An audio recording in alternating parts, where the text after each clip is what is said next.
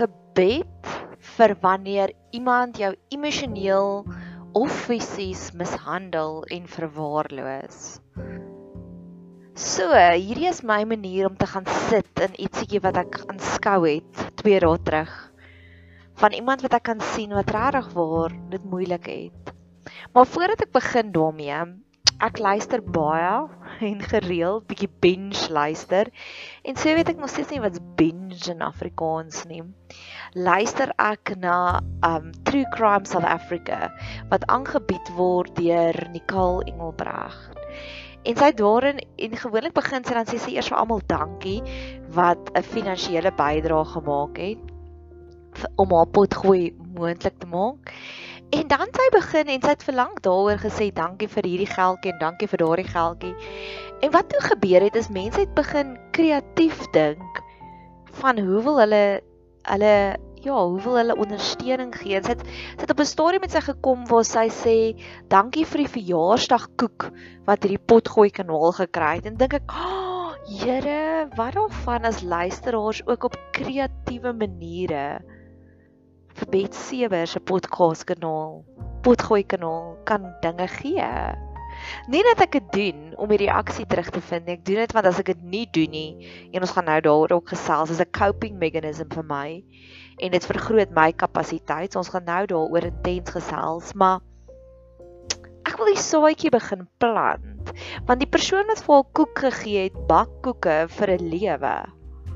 En wat daarvan is die Heilige Gees jou lei. Dalk het jy 'n mooi roos in jou tuin en jy wil vir my 'n mooi roos stuur. Om op 'n manier dat ons amper die gemeenskap groter kan maak. So dis 'n dis 'n groot nuwe gebed wat ek het. Maar ja, mag die Here ons lei daarmee dat ons die gemeenskap kan groter maak, dat ons meer mense kan hê waaroor ek kan 'n shout out doen as om net te sê o, hierdie persoon het vir my hierdie storie vertel en ek het besluit ek wil daarvoor bid. So ja. So, wanneer die gebed vir wanneer iemand emosioneel mishandel word of verwaarloos word. En ek weet nie wie's jy in hierdie situasie nie. Dalk is jy die slagoffer en jy weet iets is nie reg nie en jy wil graag 'n bietjie meer inligting daar kry. Kennis is goud. Of dalk is jy die ongelukkige toeskouer soos dit ek is. En jy sien hierdie persoon in jou hart breek vir hierdie persoon wat in 'n toksiese verhouding is en hulle weet nie hoe om dit te hanteer nie. So dis al vir 'n dag lank dat hierdie gebedspunte in my gedagtes draai. Ek het gister 'n Sabbat gevat.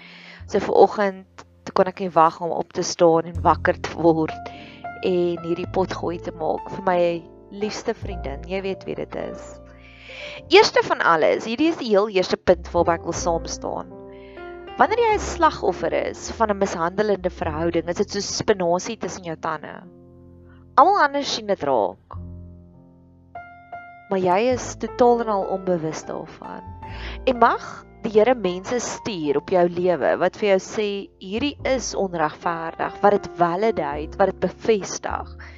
Want dit is net wanneer ander mense vir jou die storie vertel uit hulle oogpunt uit wat jy besef maar hierdie ongemaklike kriweling, hierdie onvergenoegdheid, hierdie situasie van jy kyk altyd in op die goed uit.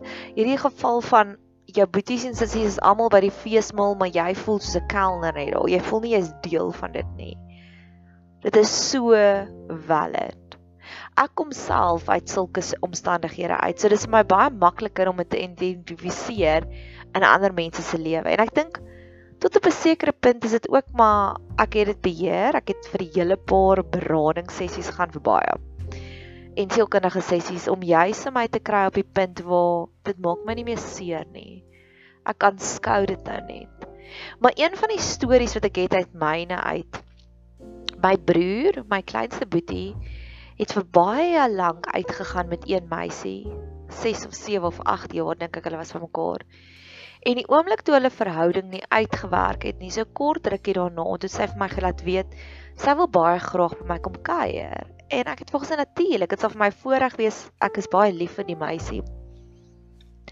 En ons het een van daai kuiers gehad, sy het sommer by my oorgeslaap En ons het ek dink ons het tot half 2 in die oggend toe het ons gesels. Want die oomblik omdat sy nie meer in verhouding was met my boetie nie, kon sy vir my dinge deel wat sy nooit van tevore vir my gedeel het nie. Sy het vir my gesê sy en my boetie het baie keer bespreek hoe onregmatig is ek behandel. Die oomblik toe ek op my eie voete begin staan het, toe was my ouers se uitkyk, hulle stop nie hulle kinders in nie. En vir 'n maand lank en ek het Pretoria toe getrek met letterlik niks. Dink ek het een of twee potte gehad. Dit was dit in 'n mikrogolf. En ek moes huis opsit daarmee. En my ma het gesê, "Goed, hulle weet ek hoef nou nie op die grond te slaap nie, so hier is 'n klein kampmatrasie totdat ek vir myself 'n bed kan koop." Ek sê, "Okay, dit gaan my net sterker maak." En daai storie van ek is gestuur, die dogter van die huis, is gestuur met 'n kampmatrasie en ek het vir 'n maand lank daar geslaap want my eerste salaris het ek dadelik vir my bed gekoop. Het my amper skoonsussie so getrigger dat sy was in trane daaroor en sy het sy die storie vertel dat ek was daardie dag toe my baba Boetie in sy huis ingetrek het. En die huisie was te klein vir al die meubels wat hy gekry het. En sy het in daai storie het sy al reeds die onreëlmatigheid gesien en daar was baie ander stories wat uitgekom het. En dit was nogals vir my 'n baie lekker punt is ander mense sien dit altyd raak en jy besef nie dat eintlik is dit onregverdig en onreëlmatig nie. So vir enige iemand wat in daai situasie is, mag jy engele kry soos ek daai engel gekry het wat vir my die stories vertel het van as jy nie deel is, as jy nie inner circle is nie, dan besef jy nie alles altyd wat aangaan nie, maar sy was, sy was inner circle en op 'n stadium was sy nie meer deel van die familie nie en toe kon sy baie meer pronte uit bepraat want sy het nou nie meer my boetie of my pa se belange wat sy moes beskerm het op daai stadium nie. Daai was regtig een van my van die grootste genesingsjourneys wat ek ooit opgehaat het. En weer eens dit was organies, dit het net na my toe gekom, ek het dit nie gaan soek nie. Twee aande terug nou kom ons praat bietjie oor coping mechanisms want hierdie is vir my dis vir my baie belangrik coping mechanisms. Mag jy as jy die slagoffer is, die regte coping mechanisms kry om hierdeur te werk. Ek het gesien in lockdown elke keer wanneer daar 'n 'n irrasionele wet gemaak is of tot iets hier gebeur, dan dan kort daarna sal daar al die grappies deurgestuur word. Soos met kliks het hulle al daai grappies gestuur oor die hare en die tresemmyding. Nou, om grappies te maak is 'n coping mechanism. Om sarkasties te wees is 'n coping mechanism. Mag jy gesonde maniere leer om deur coping mechanisms te gaan. Vir my om hierdie podcast te maak is my coping mechanism want anders as ek net hierdie goeters gaan aanskou en ek doen niks daarmee nie, gaan dit my opvreet van binnekant af. Denial is 'n ongesonde coping mechanism. Die naal lyk like so om te sê, "Ag nee, wat is nie so erg nie" of "Ag nee, dit pla my nie." Ag nee, dis nonsens. Ek het nee, ja, in 'n series ek kyk het, het hulle gewys dat hulle sê wanneer jy emosionele verwerping ervaar en dis maar wat mishandeling is, is dit net jou brein gaan af asof jy letterlik jou hand op die stoof gesit het. Jou brein ervaar dit as fisiese pyn maar dis pyn wat nêrens gevoel word wat geregistreer word nie maar jou brein sê vir jou ek is in pyn. En daar's al studies wat gedoen is waar mense benadeus drink vir emosionele hartseer en dan sê hulle hulle voel beter. Want jou brein registreer dit as pyn nog een van my coping mechanisms nou praat ek lekker uit die slaapkamer uit wanneer dit ek ek is enkel is enkel lopend wanneer dit regtig sleg gaan met my en ek het hierdie dinge wat ek net nie weet om te hanteer nie, dan sal ek die aand gaan slaap terwyl ek my Bybel kaddel. En baie keer sal ek sommer 'n liedjie op repeat sit dat ek dit kan aanhou en aanhou luister. En Vrydag aand, nadat dit alles gebeur het, het ek dit vir my vriendin gedoen want ek het so haar hartseer gevoel. En ek het Jeff Buckley se Hallelujah gesing gespeel op my op my selfoon. En hy begin die lirieke wat hy sê is I heard there was a secret chord that David played and it pleased the Lord. En dis wat ek nou hoop, mag my pot gooi regtig waar die Here behaag. Mag dit die Here please mag hy dadelik inspring en ingryp en help U mee. Ek kan nie wag om te sien wat se getuienis gaan hier uitgroei nie.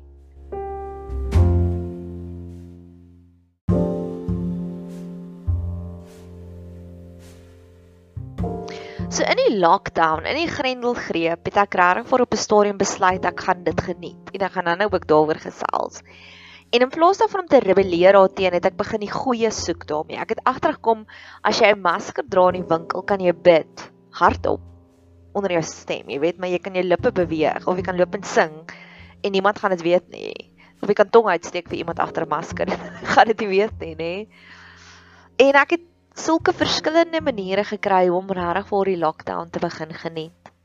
En een van dit was om alles te sien en te beleef. Die oomblik as ek hoor iemand is in 'n hospitaal of iemand vat iemand hospitaal toe, het ek heeltyd gesê, "Kan ek saamry? Ek wil sien hoe lyk dit daar. Ek wil sien hoe voel die protokolle daar." En ek was saam met mense 3 keer na hospitaal toe, Kloof Hospitaal, Montana Hospitaal en Unitas. Maar Unitas het die meeste vir my soos 'n oorlogsterrein gelyk. En ek het foto's geneem daarvan van die tente wat hulle buitekant opgesit het dat hulle niemand mag ingaan in Unitas as hulle nie 'n COVID toets gehad het nie. En dit het regtig word vir my gevoel dat as gevolg van hierdie pandemie het plekke soos Unitas Hospitaal oornag verander in 'n heeltemal ander modus operandi. Dit het heeltemal anders daar gewerk. Selfs die parkering was verniet gewees. Dit was nogals my baie baie significant. En te dink aan myself, dis alles as gevolg van 'n pandemie. Alles as gevolg van 'n virus wat 80 nanometer klein is. Nou as jy nie weet hoe klein is 80 nanometer nie, daar's 1 miljoen nanometers in 'n millimeter. Ek dink ek myself as groot instansie soveel protokolle van beskerming in plek kon sit vir so 'n klein virus wil ek Here wil ek vra Here doen asseblief dieselfde vir almal wat slagoffers is van hierdie pandemie van mishandeling en verwaarloosheid. Dis regtig vir my altans 'n pandemie. Die hoeveelheid mense met wie as ek regtig eerlik genoeg raak, se storie klink min of meer dieselfde as myne en as my vriendin se. Dit is nie meer uitsonderlik nie, dit is soos molestering ontstaan 'n bediening en ek gaan dit baie baie anoniem hou net om seker te maak dat niemand voel ek lap hulle geheime uit nie maar op 'n stadium het ek 'n studie gedoen van die hoeveelheid vrouens met wie ek werk dat as ek oor die molestering begin praat is dit die uitsondering op die reël as iemand vir my sê ek was nog nooit gemolesteer nie waar ek sal min of meer sê 90% van die vrouens is gemolesteer En net so is dit dieselfde vir my met mishandeling. Ek dink as jy diep genoeg delf van elke mens se storie, is daar 'n tipe van mishandeling. Dalk 'n ouer, dalk 'n broer, dalk 'n eggenoot. Dis skerry. So wil ek sê soos dat hospitale protokolle in plek gestel het om ons te beskerm van hierdie pandemie, mag God asseblief dieselfde doen op 'n emosionele vlak.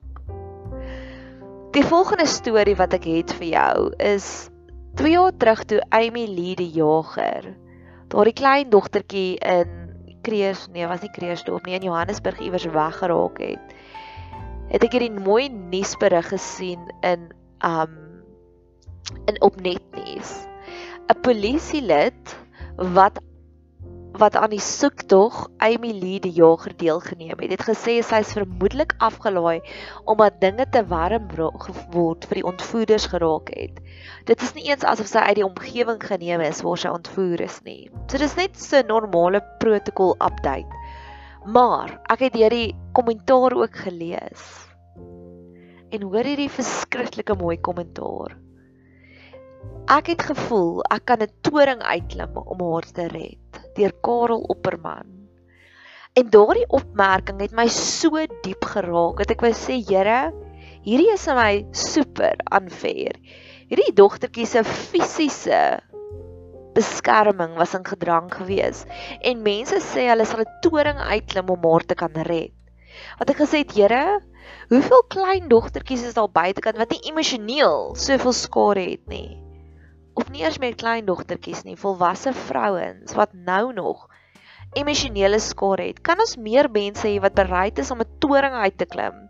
Wat bereid is om deur uitsonderlike omstandighede te gaan net om te sê jy is my belangrik en ek sal wat ook al doen vir jou om beskerm te wees.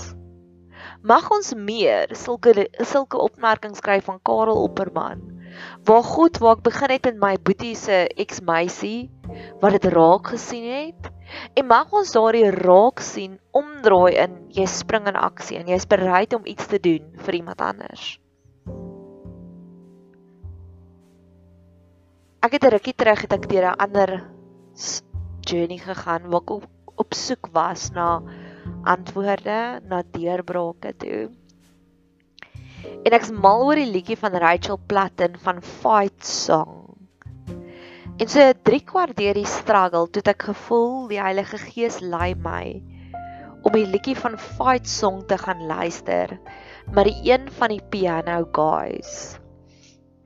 En daardie een begin met die gewone een en dit is net instrumenteel van Fight Song, maar aan die einde dan merge hulle hierdie liedjie met Amazing Grace. En ek het gevoel die Heilige Gees sê vir my, Nadia, jy het nou vir lank genoeg gefight song en vir lank genoeg aksie geneem van jou eie af. Maar jy gaan nou begin loop in 'n periode van genade onbeskryflik groot, amazing grace. En ek het daardie boodskap omhels en ek het dit elke dag het ek daardie liedjie geluister, profeties om te sê dankie Here, dankie Here. Ek weet die deurbraak is op pad. En kort daarna het die deurbraak gekom. En ek wil dieselfde vir jou bid. Ek wil hierdie copy and paste bid om te sê jy slagoffer het vir lank genoeg gefight. Genade onbeskryflik groot gaan nou begin intree. Jy toeskouer van hierdie persoon wat die slagoffer is van die mishandeling het lank genoeg gefight en die oomblik van amazing grace gaan nou begin gebeur. Ek dink ek moet sommer hierdie liedjies speel dat ons dit almal kan huis toe vat.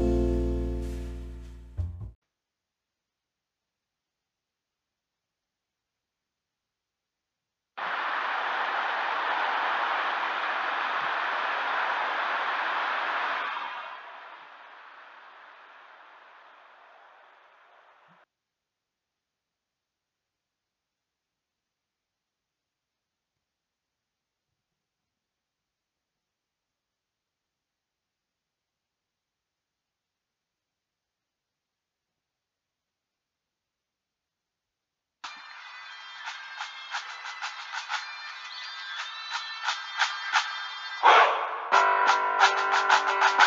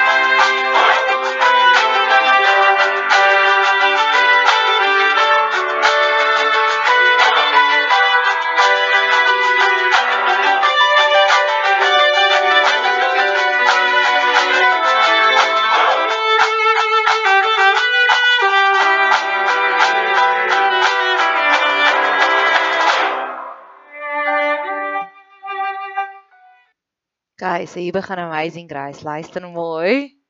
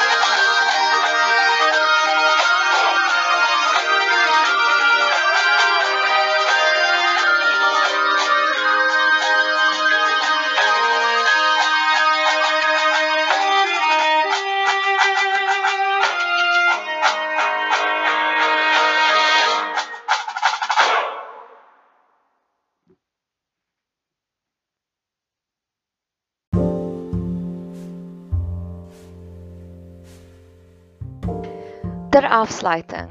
Ek is besig om deur Jesaja te werk. Nou Jesaja is een van my gunsteling profete want hy's baie all marshmallows en en en reënboë en glitter en sparkle en hy het so mooi beloftes, maar ek trek net by hoofstuk 3 en dis dis my opmerklik hoe negatief en hoe toksies hy ook begin, nê. Nee. Verstaan van hoofstuk 1 het 'n paar beloftes in gehad, hoofstuk 2 het bittermin beloftes in gehad. Hoofstuk 3 het actually nie een belofte gehad nie. Dis net soos 'n klomp condemnations, is dit is verkeerd en dit is verkeerd en dis wat gaan gebeur. Nee nee nee nee nee en ek het so sneak alert gedoen in hoofstuk 4 begin hy met die heel eerste kragtigste belofte.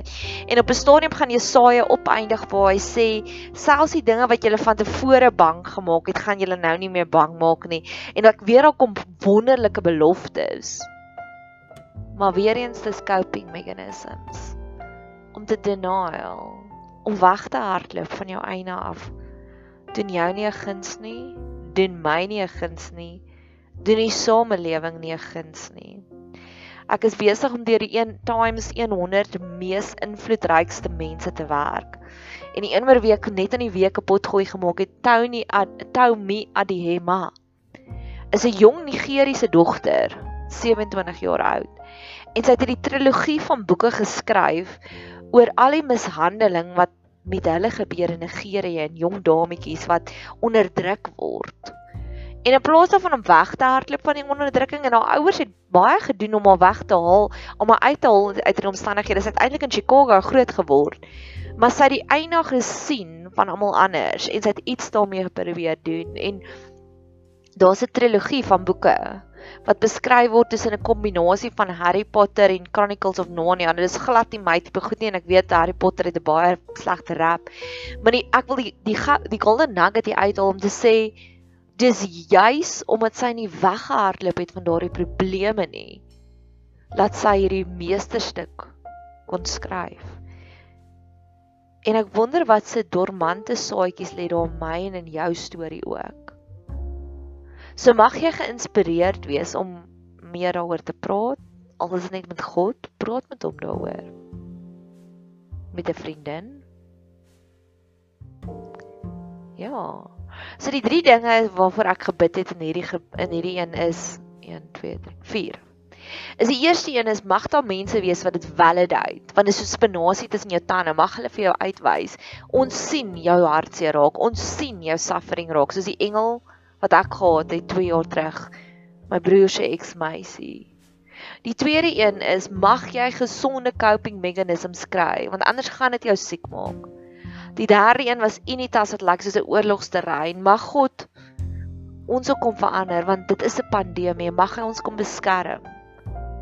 En dan die Amy Lee die jager waar Karel Opperman gesê het, het gevoel ek kan 'n toring uitklim om haar te red. Mag ons ervaar daagliks dat God doen ook alles om ons te red. Hy is ons sy weer. Sy weer beteken hy wil ons red uit hierdie mishandelende en verwaarlosing reis. Mag jy 'n super geseënde reis hê verder.